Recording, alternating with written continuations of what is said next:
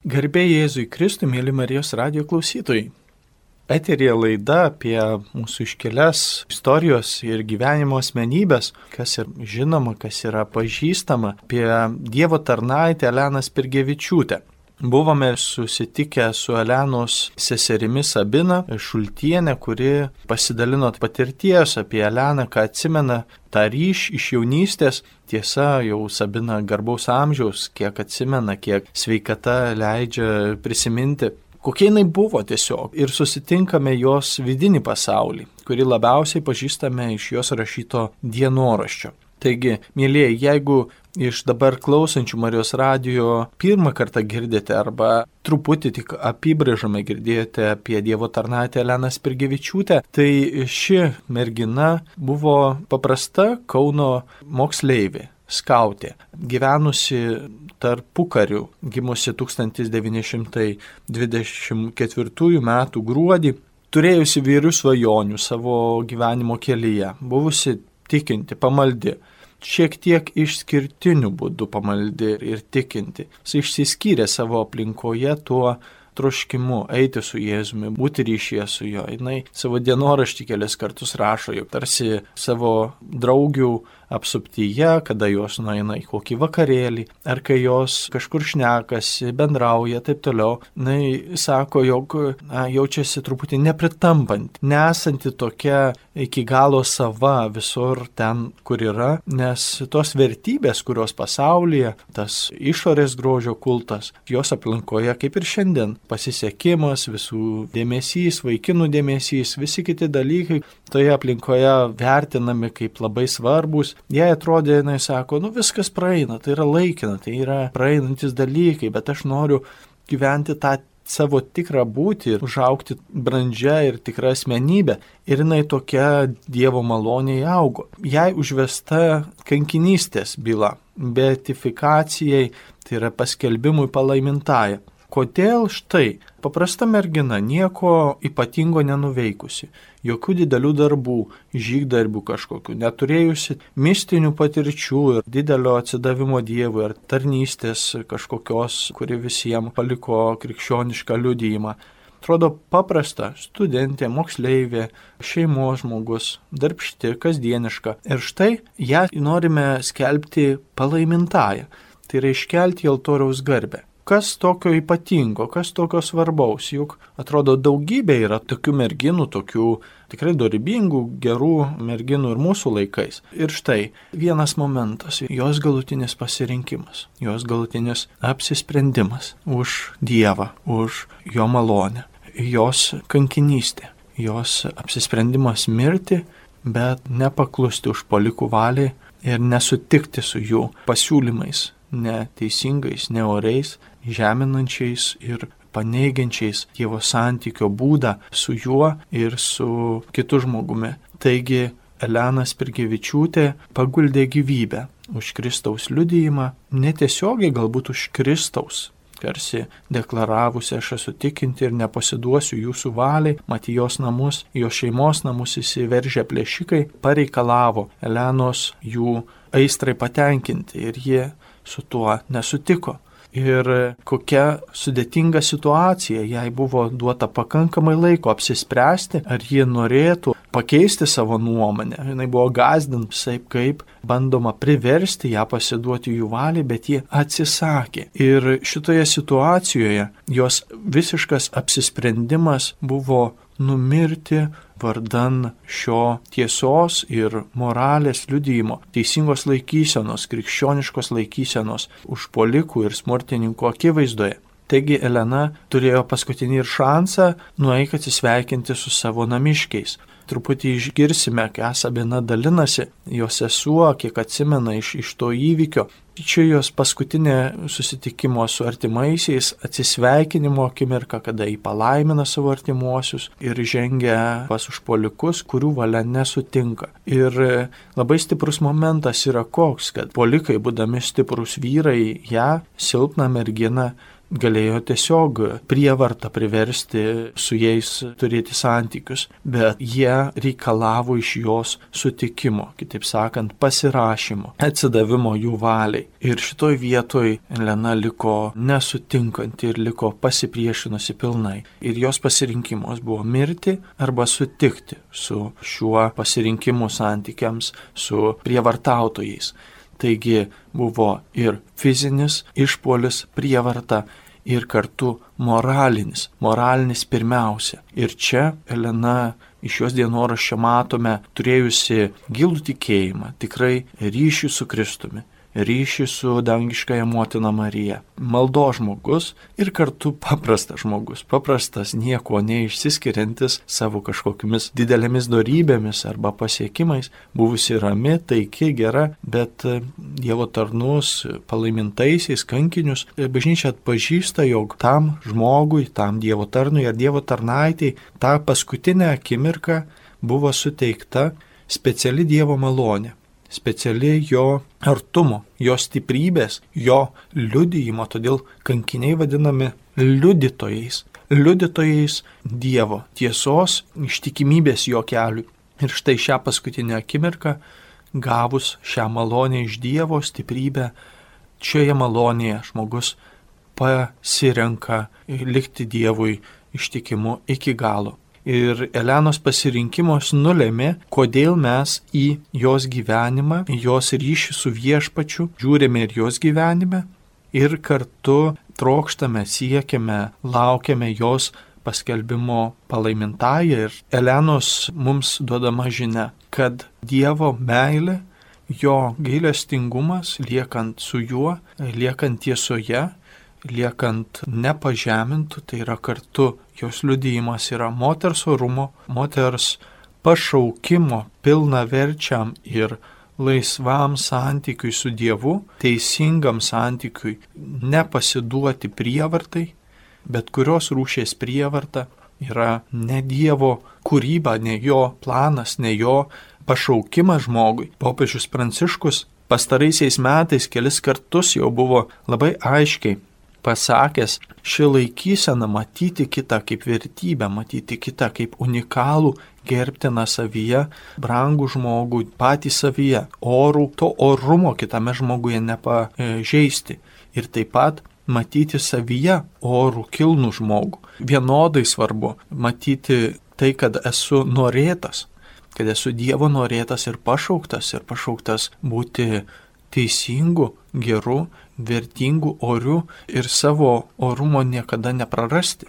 Elena buvo santykio žmogus, ką jos sesuo kelis kartus va taip išakcentavo, kad Elena buvo santykio žmogus. Visada būdavo šalia, visada būdavo atliepianti, patarnaujanti, išgirstanti ir daugybė dalykų mūsų gyvenime. Iš Elenos pavyzdžio gauname tokią priminimą mums, aiškiai žinia, ką Jėzus irgi mokė, kad mylėkite vienas kitą, kaip aš jūs mylėjau. Taip kaip Jėzus mes nepajėgiame patys, mums reikia jo malonės, bet mes mokinamės, mokinamės taip žengti tuo artimo meilės keliu. Ir tai reiškia, jog atpažįstame savo pašaukimą būti santykėje santykiai atliepiant vieni kitiems, susitinkant kitą ir pažvelgiant kitam į akis, pažvelgiant e, į kito gyvenimą, į kito būtį, išeinant iš savęs, iš savo rūpeščių, iš, iš to, kas tik mums svarbu, tik tai, kas yra mūsų interesai. Dažniausiai būnam užsisukę savo rūpeščiuose, štai, kas čia mūsų darbai, mūsų finansai, mūsų dar kažkokie dalykai, mūsų pažinčių ratas ir tai susikuriam tokią saugią pilį, saugią šventovės savo gyvenime ir norime joje tarsi karaliai įsitaisyti ir savo gyvenime turėti tą sostą, tokį savo saugų. Ir čia šitoj vietoje esam pašaukti išeiti iš savęs, susitikti kitą, pamatyti kitą, koks jis yra, kitoks, unikalus, gražus, nuostabus, kitam pasitarnauti, kitam atliepti, kitam būti parama, būti Dievo artumo ir jo gerumo ženklų. Ir Elena irgi iš jos gyvenimo matome, kad jos šitas unikalus būdas, kaip jis sugebėdavo būti kartu su kitais, būti santykėje ir kartu neprimesti savo požiūrio, neprimesti savo valios, nesakyti, kad štai visi turi būti pagal mano žvilgsnį, bet atpažįsta tiesą, supranta, kas yra galbūt negera ir kito žmogaus gyvenime, atpažįsta kas yra galbūt sudėtinga gyvenimo aplinkybėse, visuomeniai, paskiau jau karo zona prasidėjus Lietuvoje tapusi, pirmoji sovietų okupacija, paskiau vokiečių okupacija su jo žiaurumais. Jie taip pat svarsto tos dalykus, pastebi tos tą visą ir išgyvena savo silpnumą, išgyvena savo negebėjimą daugybės dalykų nieko pakeisti. Šitose jos silpnumo išgyvenimuose atsiranda šis maldos momentas, kada ji staiga kreipiasi į Dievą. Štai rašo, ėjom su draugais, turėjom šventę, ėjom pasivaikščiot, mokėmės, visą kitą ir staiga Dieve, ačiū tau, kad esi su mumis, ačiū tau, kad mus palaikai. Pasiklausykime, ką pati Elena mums kalba. Štai jos tas paprastumo suvokimas, jos, jinai labai žemai save vertino, labai kukliai save vertino, netgi galima sakyti šiek tiek melancholiškai, kiek atpažįstame iš jos dienoraščio, nors iš jos sesers esu girdėjęs vieną kartą, kad jinai sako, buvo tokio, na, tvirto charakterio, jinai mokėjo tiesą labai pasakyti, išreikšti, ką jinai sako, ką jinai renkasi, taip netgi žavėjo tą savybę, kad, kad ji buvo, turėjo tą vidinį tvirtumą. Ir štai 1941-aisiais Elena rašo, būdama paauglė, Aš paprastas sutvėrimas, kuris valgo ir miega, niekam jokių džiaugsmų nesuteikia. Manie kilo noras padėti ir auklėti kitas mergaitės, kad jos būtų doros ir turėtų pasisekimą. Aš pati tai niekis. Aš sutinku būti be pasisekimų ir laimės. Aš galvoju darai gyventi, kad po mirties būčiau laiminga. Būk meili Jėzui ir Jėzus bus meilus tau. Taigi atrodo, kaip čia žmogus savo neieško kažkokio pasisekimo, save netgi laiko nesančių kitam džiaugsmu ar laimę, bet štai trokšta, kad ši meilė ir šis gerumas išsiskleistų daugelį. Tokia Jėzaus širdies galime atpažinti, tokį troškimą mus palaiminti, bet Jėzaus meilė turi tokią savybę, save dovanoti, save dovanoti savęs nepaisant. Ir iš tokių vat vietų atpažįstame šitą jos intenciją, jos širdies troškimą, kuris kaip ir mūsų kiekvieno troškimas. Turime įvairių geriausių troškimų. Oi, galbūt aš trokštų tapti šventuoju, galbūt aš trokštų pasiaukoti, nuveikti didžiausius darbus pasaulyje. Ir gal praktikoje ne visada mums juos pavyksta įgyvendinti labai realiai, bet tie troškimai jie, jie yra geri ir štai ir Iranos matome ir, ir gyvenime, ir tose tuose vidiniuose siekiuose išsipildant šitams dalykams. Labai daug mes imam pavyzdžius. Tai, kas kalba mūsų širdžiai, kas mus įkvepia būti geresniais, geriau kliepiančiais kitais, sutaikinančiais mus, išmokančiais nuolankumo, tai yra tiesos apie save, apie Dievą. Ką labai Dievo tarnaitė Lena mus išmoko, tai nuolankumo tiesos mūsų santykėje, mūsų mažumo, mūsų silpnumo ir Dievo meilės galybės. Galbūt pirmiausia reiktų sakyti Dievo maloningumo ir jo palaikymo mūsų tarpe. Mergelė Marija šlovina Dievą, aukština jį už jo didžius darbus jos gyvenime. Ir kartu sako, Dievas pažvelgė į savo tarnaitės mažumą. Dievas pažvelgė į šį mažumą. Mūsų pastangos, mūsų pasiekimai, mūsų gyvenimo kažkokie laimėjimai, jie yra visi geri, jie yra, jeigu yra Dievo pažinti kaip, kaip Dievo palaimos pasiekmė. Tuo tarpu Elena, jinai mums irgi primena šitą momentą. Priatsimink savo silpnumą. Šventoji Faustina mums sako tokį irgi priminimą šitoj vietoj. Kas aš esu? Aš esu skurdo bedugnė. Ir šioje skurdo bedugnėje Dievas apgyvendina savo gailestingumo bedugnę. Jėzus juk ir atėjo, atėjo į šį pasaulį ne pas teisiuosius, bet pas nusidėjėlius. Jis atėjo mūsų išgelbėti. Jis žengė į kryžių, žengė į atpirkimą, žengė į išgelbėjimą, kurį dėl mūsų atliko, mirdamas už mūsų nuodėmės, tam, kad mes susitiktumėm savyje savo neišvengiamą poreikį mūsų išgelbėjimo, iš mūsų varganumo, iš mūsų sužeistumo, iš mūsų nuodėmingumo. Manau, Elena yra būtent šito liudymo, šio žmogaus silpnumo, paprasto menkumo. Ir šiame menkume jos kankinystės, jos liudymas. Štai Dievas mano silpnume man tapo viskas. Jis mano niekume tapo širdies karalius ir gyvenimo karalius. ir net mirtis manęs neatskirs nuo jo malonės. Aš renkuosi Dievę tave, renkiuosi Jėzų Kristo tave virš visko. Sesuo Sabina pasakojo, jog Elena rinkosi tai kartu iš meilės savo šeimai, norėdama ir jiem gero, norėdama būti ta, kuri numiršta, kad šeimos nariai gyventų ir būtų tarsi apsaugoti. Taigi Elena mums yra ir artimo meilės ženklas, pasiaukojančios, ne išoriškai parodančios vakų, aš pasiaukojusi, bet renkantis tiesiog kaip Jėzus - laimėti meilės pergalę, nuolankumo, kantrumo ir nepasidavimo blogiui, nepasidavimo prievartai ir išnaudojimui ir pažeminimui ir savo orumo atsisakymui. Jie nepasidavė. Ir ši tvirtybė matome jos silpnume, jos žmogiškame trapume buvo Dievo darbas, šventosios dvasios vedimas, kurią jinai sąmoningai ar nesąmoningai patyrė savo gyvenime.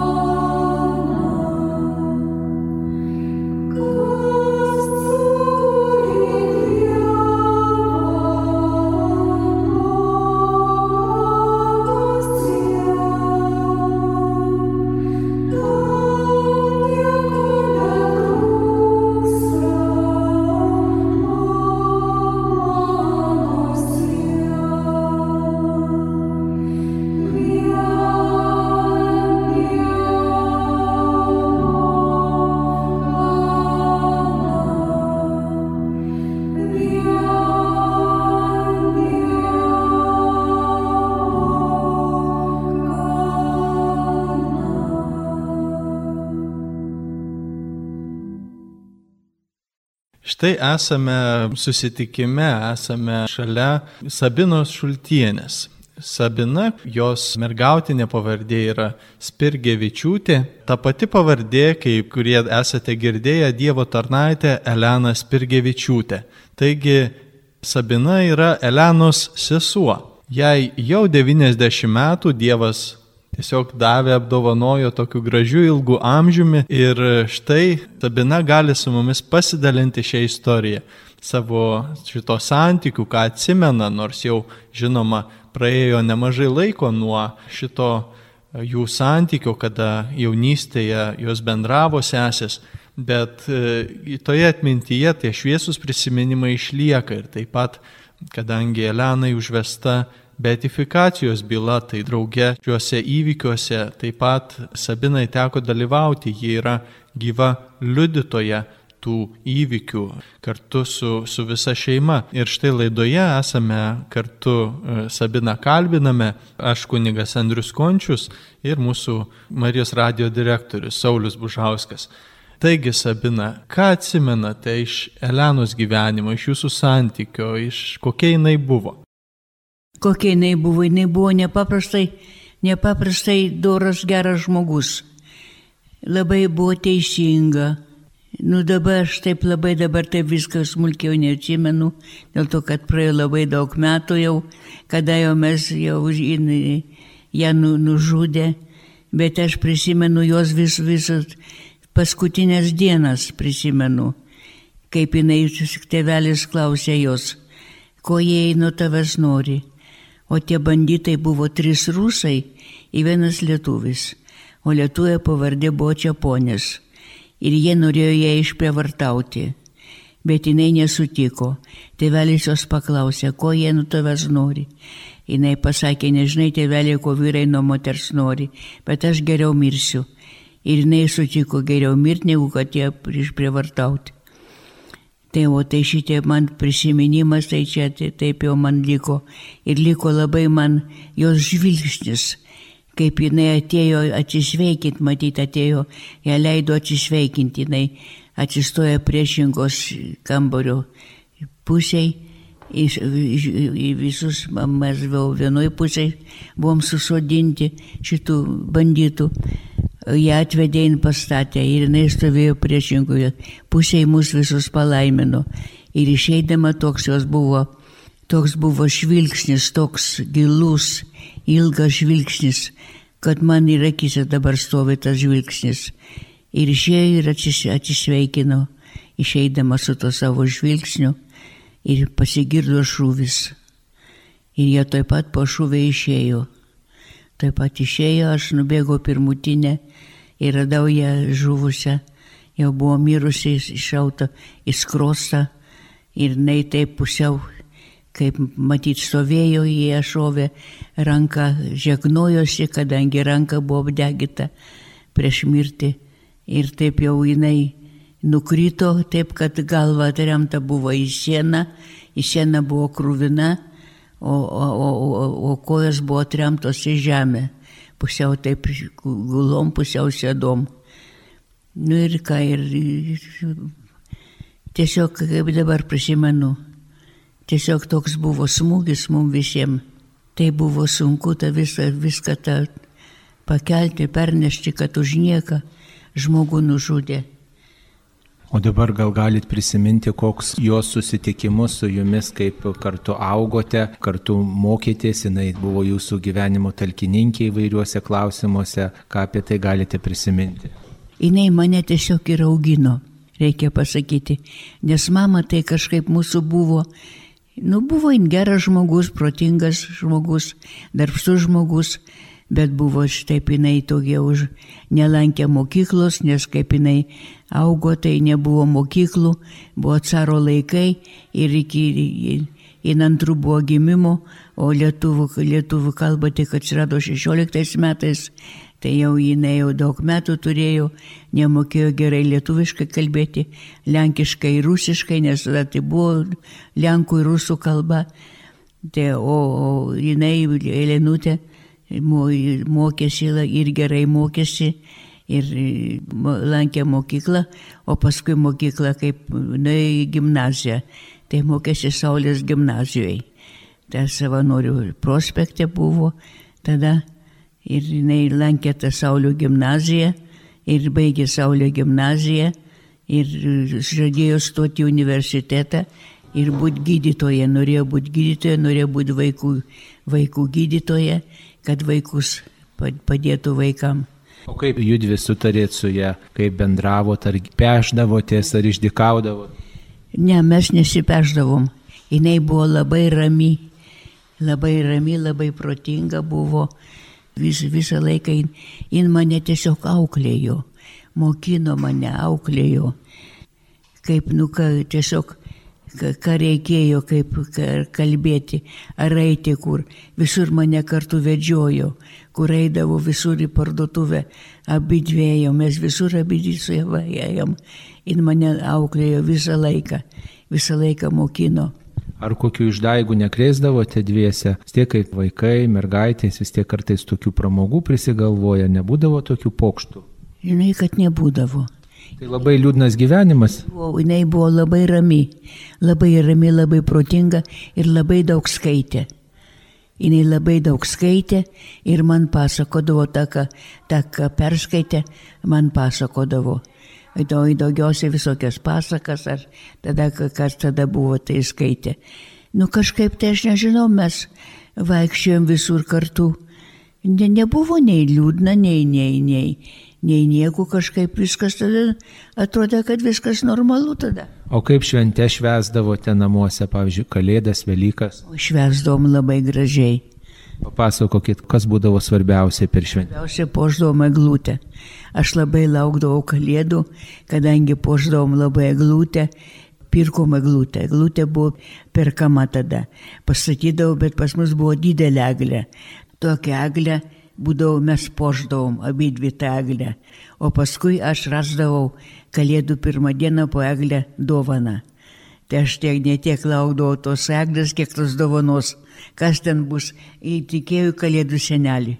Aš tikėjau, kad tikrai kalėdų senelis, kad kalėdų senelis ateis, kad atneš kažką. O Elenutė nepapasakodavo, kad kalėdų senelis tai čia toks sugalvotas personažas, kad... Jis šito nepasakojo. Jis irgi taip pat, jinai galbūt ir netikėjo, bet jinai taip jau vaizdavo, kad, kad tiki. Ir jai dovanų atneždavo kalėdų senelis. Atneždavo dovanų. O kokias dovanas atneždavo? Nu tai taip, štai knyga, knyga vaikiška, tai kokį žaisliuką, ką nors kokį žaislą įdomų. Tada iki karo tai čia buvo tokių visokių, vaikam buvo, buvo dalykų tokių įdomių buvo. O tai kalėdų senelis turėjo iš ko atnešti tų dovanų tais laikais? Ir mes eidavom su mama, irgi eidavom senamestį. Pavyzdžiui, ot, paimkim tokį kaip Kaune senamestis. Ten buvo žydų parduotuvės. Į visos parduotuvės buvo žydų. Lietuvių beveik parduotuvių nebuvo. Ir visas senamestis ir laisvės alėja, viskas buvo priekyba žydų rankose. Ir viskas buvo tik žydai priekiavo. Ir su žydais galima buvo, nu kaip čia pasakyti, nu, prašyti, kad nuleistų. O mano mama labai mokėjo dėrėtis. Tai jinai ateina pažydą, žydas, pavyzdžiui, sako, pirko seseriam paltą, mes pirkom, abi su mama buvom. Žydas sako, paltuką 150. Mama tai pažiūrėjo, pažiūrėjo tą paltuką, sako, 75 litai. Žydas, ui, ui, gvalt, kur man čia, man tiek, tiek, ui, ui, žydas. Mama sako, ne, aš daugiau nemoku, 75 litai, kaip nori. Ir išėjom. Išėjom tai tai penkis kart.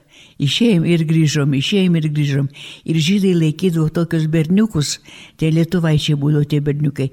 Žydų, nei, žydų nei tarnaičių, nei, nei vaikų, jie, jie, jie jau netarnavo vaikai. Lietuviai mūsų jiem patarnaudavo. Ir atbėga berniukas šeimininkas kviečia, mes grįžtam. Vėl šeimininkas kviečia. Tai penkis kart išėjom, penkis kart grįžom.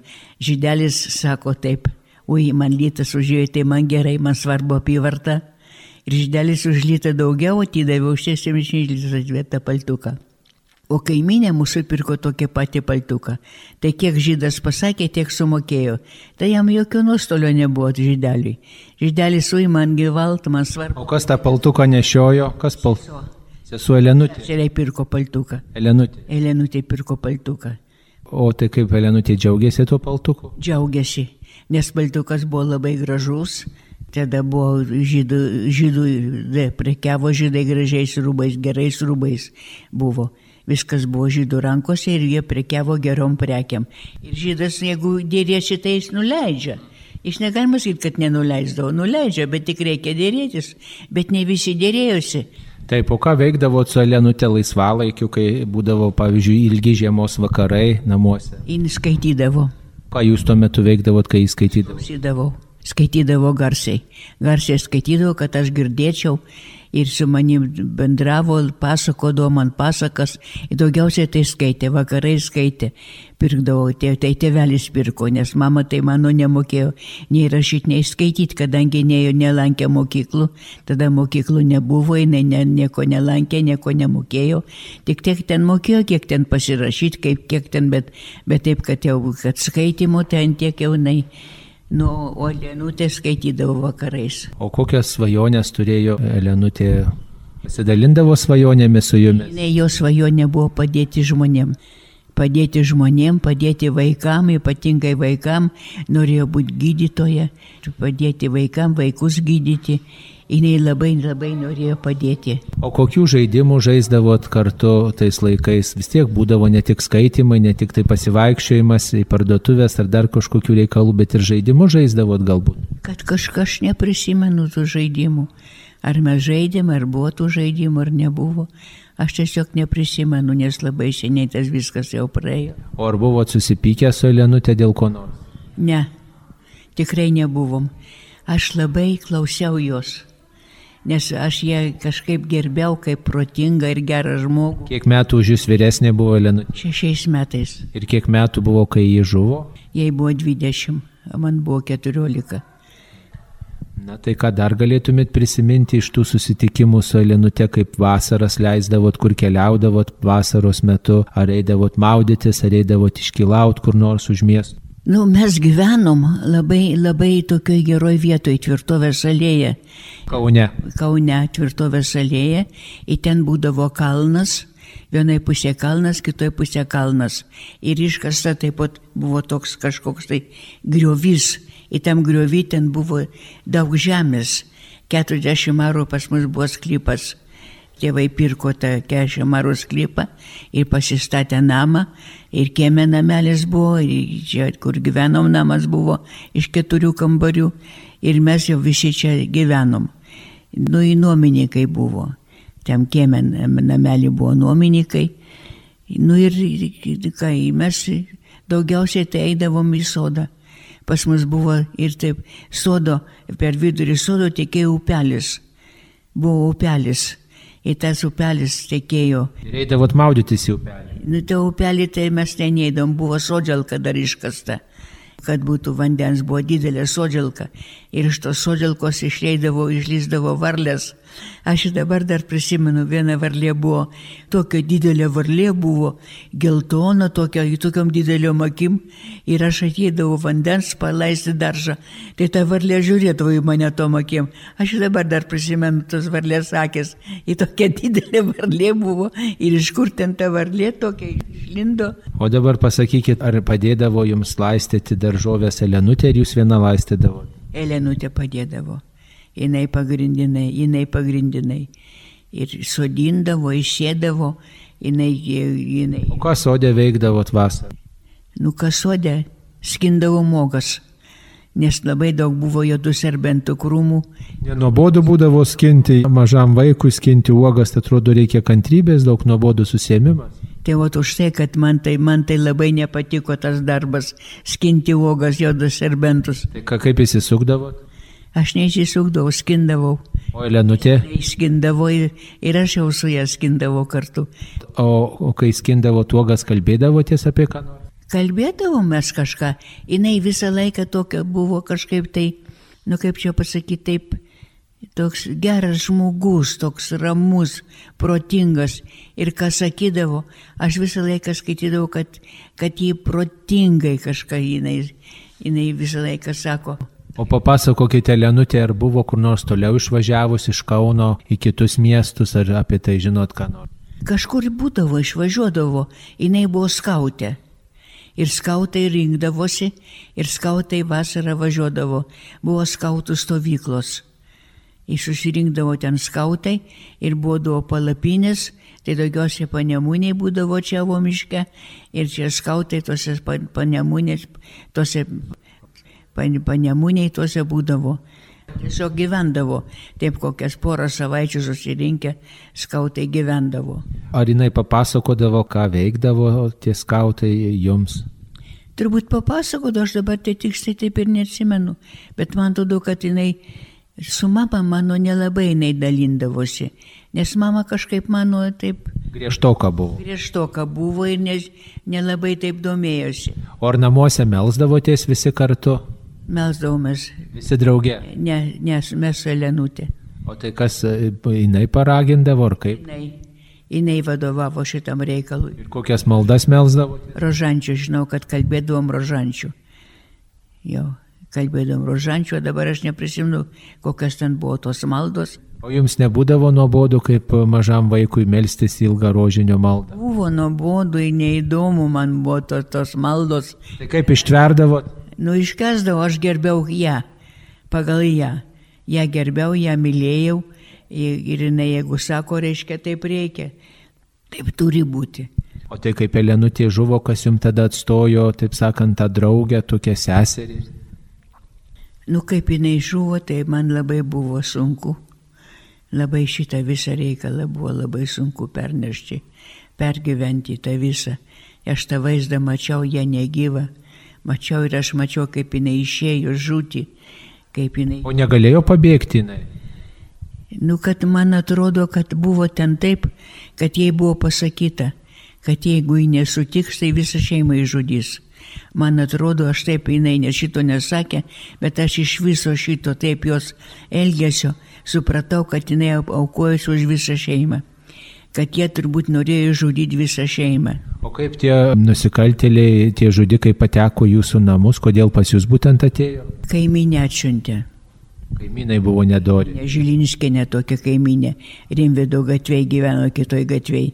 Ir jinai su tais bandytais turėjo reikalų, tie bandytai, tada vokiečių laikai buvo karo metu buvo, jie gatvėje eidavo žmonės, naktį nurengdavo tos žmonės, į tos rubus atneždavo tai žilinskeniai, o jinai veždavo pas tokį žmogų, tas žmogus iš jos pirkdavo ir veždavo į kaimą pardavinėdavo tos rubus. Tai vo, tai jinai už, užsiminėjo tą, tą žilinskinę tokiais reikalais. O tie banditai tai būdavo, nu, nurengdavo ir pas mus atėjo jie jinai juos atsiuntė. Jos su mama kažko buvo susipykusios. Nežinau, kaip kaiminės, tai žinai, gal ten, kad ta pasakė tą, tą pasakė tą ir tenai jinai kažkaip su mama buvo susipykusios ir jinai pasakė tiem bandytam, eik ten tą bobą pagazdink. Jinai paprašė, jinai iš, iš, iš jų pirkdavo tos voktus rūbus ir reik tą bobą pagazdinti. Ir jie atėjo prie vartelių, varteliai buvo užrakinti, jie atėjo Ir sako, pabarškino vartelius, tėvelis išėjo, sako, ko norit, sakė, čia policija, įleisk policiją. Nu, tėvelis atėjo, paėmė raktą, nes varteliai buvo užrakinti, paėmė raktą, nuėjo į atidarę ir kaip jie įėjo, tai iš karto pasakė, čia ne policija, o banditai. Ir mama suprato, kad čia banditai. Ečiušti to žilinskinės. Nu, tai jie pradėjo šeimininkauti. Mama, aš nežinau, ar jie mama išprievartavo ar neišprievartavo, bet nusivedė ant aukšto, ją tenai laikė, įsivedė bandytai. Jis atėjo, jinai paskui sakė, kad neišprievartavo, bet man atrodo, kad jie turbūt ten pasinaudojo jie. jie. O ką dabar po tiek metų praėjus, vat, jaučia tiem žmonėms, kurie štai nuskriaudė jūsų šeimą, jūsų sesę, taip galima sakyti, atimė gyvybę ją ir, ir, ir nuskriaudė ir jūs, atimdami seserį, ką tiem žmonėms jaučiat, ką apie juos galvojate? Viena, viena buvo, jos sunus buvo lietuvis ir jie toks jau labai jau rimtas žmogus ir protingas ir geras ir doras ir Lietuvos patriotas buvo jos sunus, o jinai buvo tokia, nu tokia buvo paprasta, buvo belka. O ką jūs dabar tiem žmonėms, kur nuskriaudė jūsų, jūsų seserį, ką jūs... Žmonių nėra. Jinai mirė greit, ta Žirinskė negreit mirė, o tas sunus tai tiesiog jis net nežinojo, kad jinai atsiuntė tos banditus. Tai ką dar galėtumėt pasakyti apie Lenutę, apie tą e, gyvenimą draugę su jie vienuose namuose? Buvo man labai gera su ją. Labai gera buvo. Ir man buvo, jinai mane mokino, ypatingai lietuvių kalbą jinai mane mokino. Man labai nežisekė lietuvių kalbą. O tada lietuvių kalba labai kažkaip griežtai buvo. Ir, ir mokykloje, ir paskui gimnazijoje keturios klaidos, diktantas ir dviejatas. Ir man vis dviejatas, ir dviejatas, dviejatas, ir dviejatas. Nu, jinai sako, žinai ką, aš tave pradėsiu mokyti, kaip reikia diktantą rašyti. Ir tas buvo vasara vasarą ir jinai pradėjo diktuoti. Kiekvieną dieną mes rašėm diktantus. Ir kaimynų du berniukai, toks aliukas takniūnų kaimynas atėjo kartu mokytis lietuvių kalbos, paskui dar kitas berniukas atėjo, nei mum trim diktuodavo kiekvieną. Ir taip jinai išmokino mane tą diktantą, taip išmokino lietuvių kalbą, taip aš gerai, kad paskui be ketvirtų, man tik keturi ir keturi būdavo visą laiką, visai klaidų nedarydavau labai neišmokino mane, tai aš šitą tai prisimenu, prisimenu jai dėkinga. Tada buvau labai už tą lietuvių kalbą, kad mane išmokino. O tai prieš tai būdavau dvietas ir dvietas, dvietas ir dvietas. Paskui, kaip jau toliau mokiausi, tai nebuvo to tokio griežtumo. Gal čia tiesiog nuo mokytojos priklausė. Pradžios mokykloje mokytoja buvo, tada buvo prie Švento Antano bažnyčios buvo ta mokykla ten, kur yra tas namas pastatas ir ten mes visi ėjome mokytis tenai, ten buvo keturi skyriai, tai aš net neatsimenu, kinto skyriaus tą diktantą čia rašiau, ar ten nuo trečio, ar nuo ketvirto skyriaus jau diktantus rašydavau. O paskui, kai užaugot, kokią profesiją buvot pasirinkusi? Aš buvau medikė, baigiau kušerių felčerių mokyklą, įdirbau klinikose seselę 40 metų. Prisimindavote Lenutę? Prisimindavo Lenutė, man visą laiką akise stovėjo. Ir visą laiką aš netaip viską prisimenu, bet svarbiausia, aš prisimenu jos išėjimo žvilgsnį, jos išėjimas. Aš tada sėdėjau ant kėdės, jie mūsų statė taip pat, mes visą šeimą sėdim, o jinai at prieš sienoj stovėjo, jie pastatė. Ir jinai stovėjo ir neįdama jau žūti, į mane žiūrėjo, aš į ją žiūrėjau.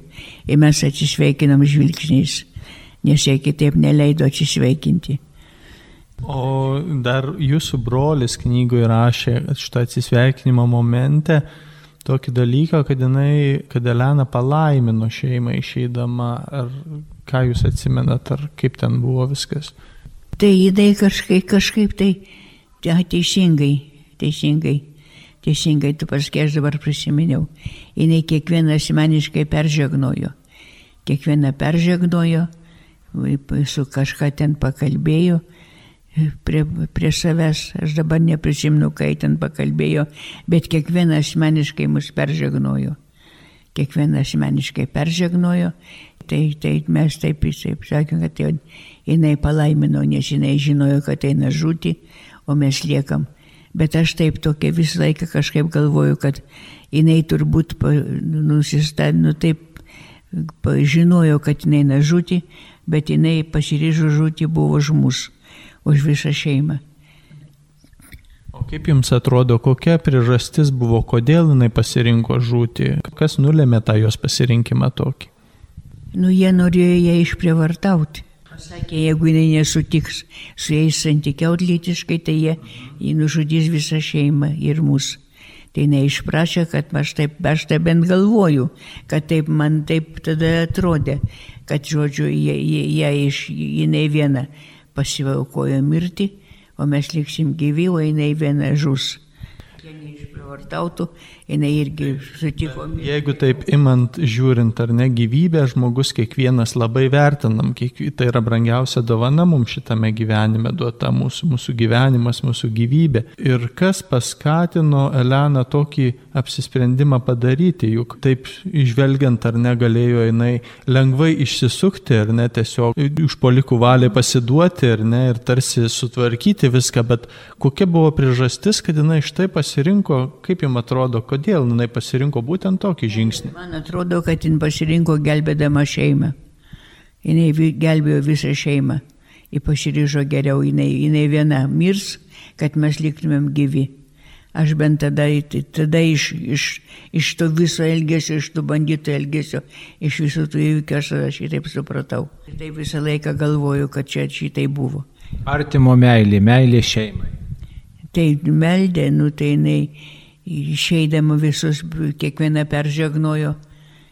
Kaip jums atrodo, ar, ar, ar Elenos tikėjimas, jos tikėjimas Dievu, tikėjimas Kristumi buvo svarbus ir buvo susijęs su to, kad jinai taip priėmė šitą sprendimą? Ar, ar tai tiesiog nulėmė šeimos šitas santykis? Kiek tikėjimas jos buvo svarbus šitoj vietoj? Nu tai jinai, jinai buvo labai stipriai tikinti į Dievą. Ir žinojo, kad ir neįtikėjo matyti ir po mirtinio gyvenimo tikėjo. Ir svarbiausia, jai buvo gelbėti šeimą. Man taip, man taip atrodė tada, kad išgelbėti šeimą, kad, kad šeima liktų gyvai, ne viena, viena žus, o kad mes visi liktumėm gyvi. O ką atsimenat Šelenos e, tos tikėjimo kelionės kasdienybėje, kiek irgi atsiminimuose ir jos dienoraštyje, kur jinai aprašė, kaip jinai vaikščiai į bažnyčią, kaip klauso šventojo rašto, ar jūs vesdavosi kartu į bažnyčią, į švento?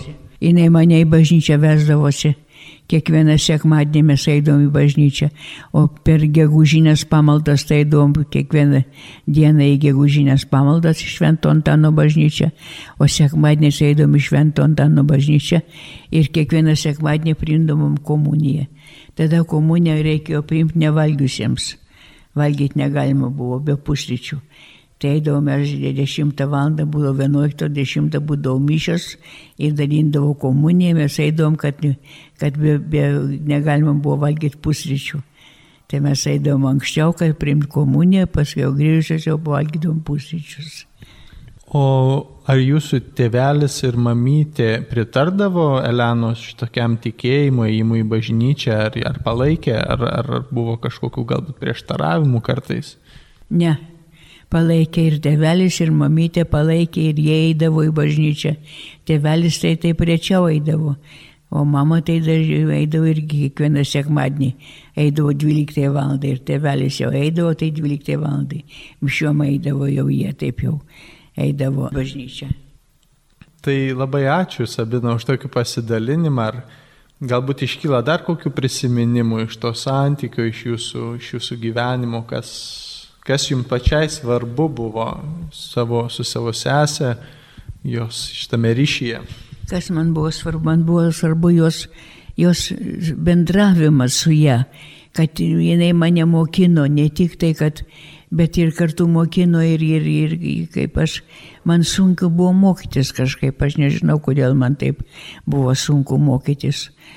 O, o, o jinai man labai padėjo ir man labai padėjo ir man labai pagerėjo tos mokslas, tokie diktantai labai pagerėjo ir jinai su manim būdavo taip jau, ten geografija ar istorija, tai jinai taip jau, jau paskaito ir, ir paskui pa, mane paklausinėja, papasako, ką tu atsimeni, taip jin mane mokino.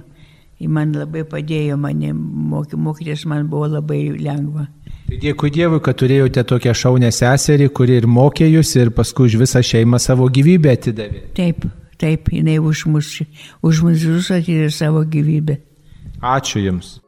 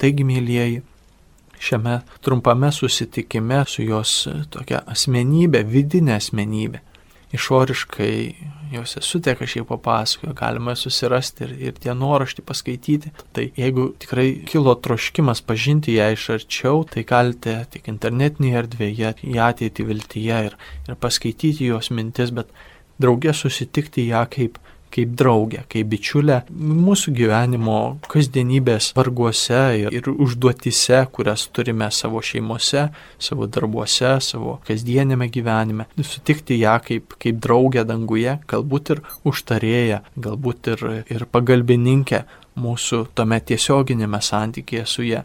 Ir jeigu kažkurie patirsite arba susitiksite tą asmeninį santykį savo maldos gyvenime su jie, tikrai kviečiame pasidalinti šitą liudijimu su Kauno arkiviskupija, atsiųsti gal elektroninį laišką ar kitaip informuoti, jeigu na, patirsite kažkokią tai jau sulaukime kelių žmonių atsiliepimų ir, ir, ir, ir sakymų, kaip, kaip svarbu, kaip, kaip tas atliepas jos jų gyvenime buvo. Tad, tad mėlyjeji, linkiu jums palaiminto palaimintos dienos ir, ir vakaro, ir Dievo tarnaitės Elenos draugystės ir, ir pažinti ją kaip gražią asmenybę ir kaip mus padrasinančią, padrasinančią būti su Dievu. Meldžiu jums visiems Dievo palaiminimo, kaip mūsų bažnyčios mokymas sako, jog kunigo palaiminimai yra ir, ir bažnyčios užtarimas. Už nugaros stovi visas pulkas ten, šventųjų, viskupų ir kunigų. Tad, tad viešpat su jumis. Ir te laimina jūs visagalis Dievas, Tėvas, Sūnus ir Šventoji Dvasia. Garbė Jėzui Kristui. Laidą vedė Dievo tarnaitės Elenos Pirgevičiūtės betifikacijos bylos postulatorius kuningas Andrius Končius.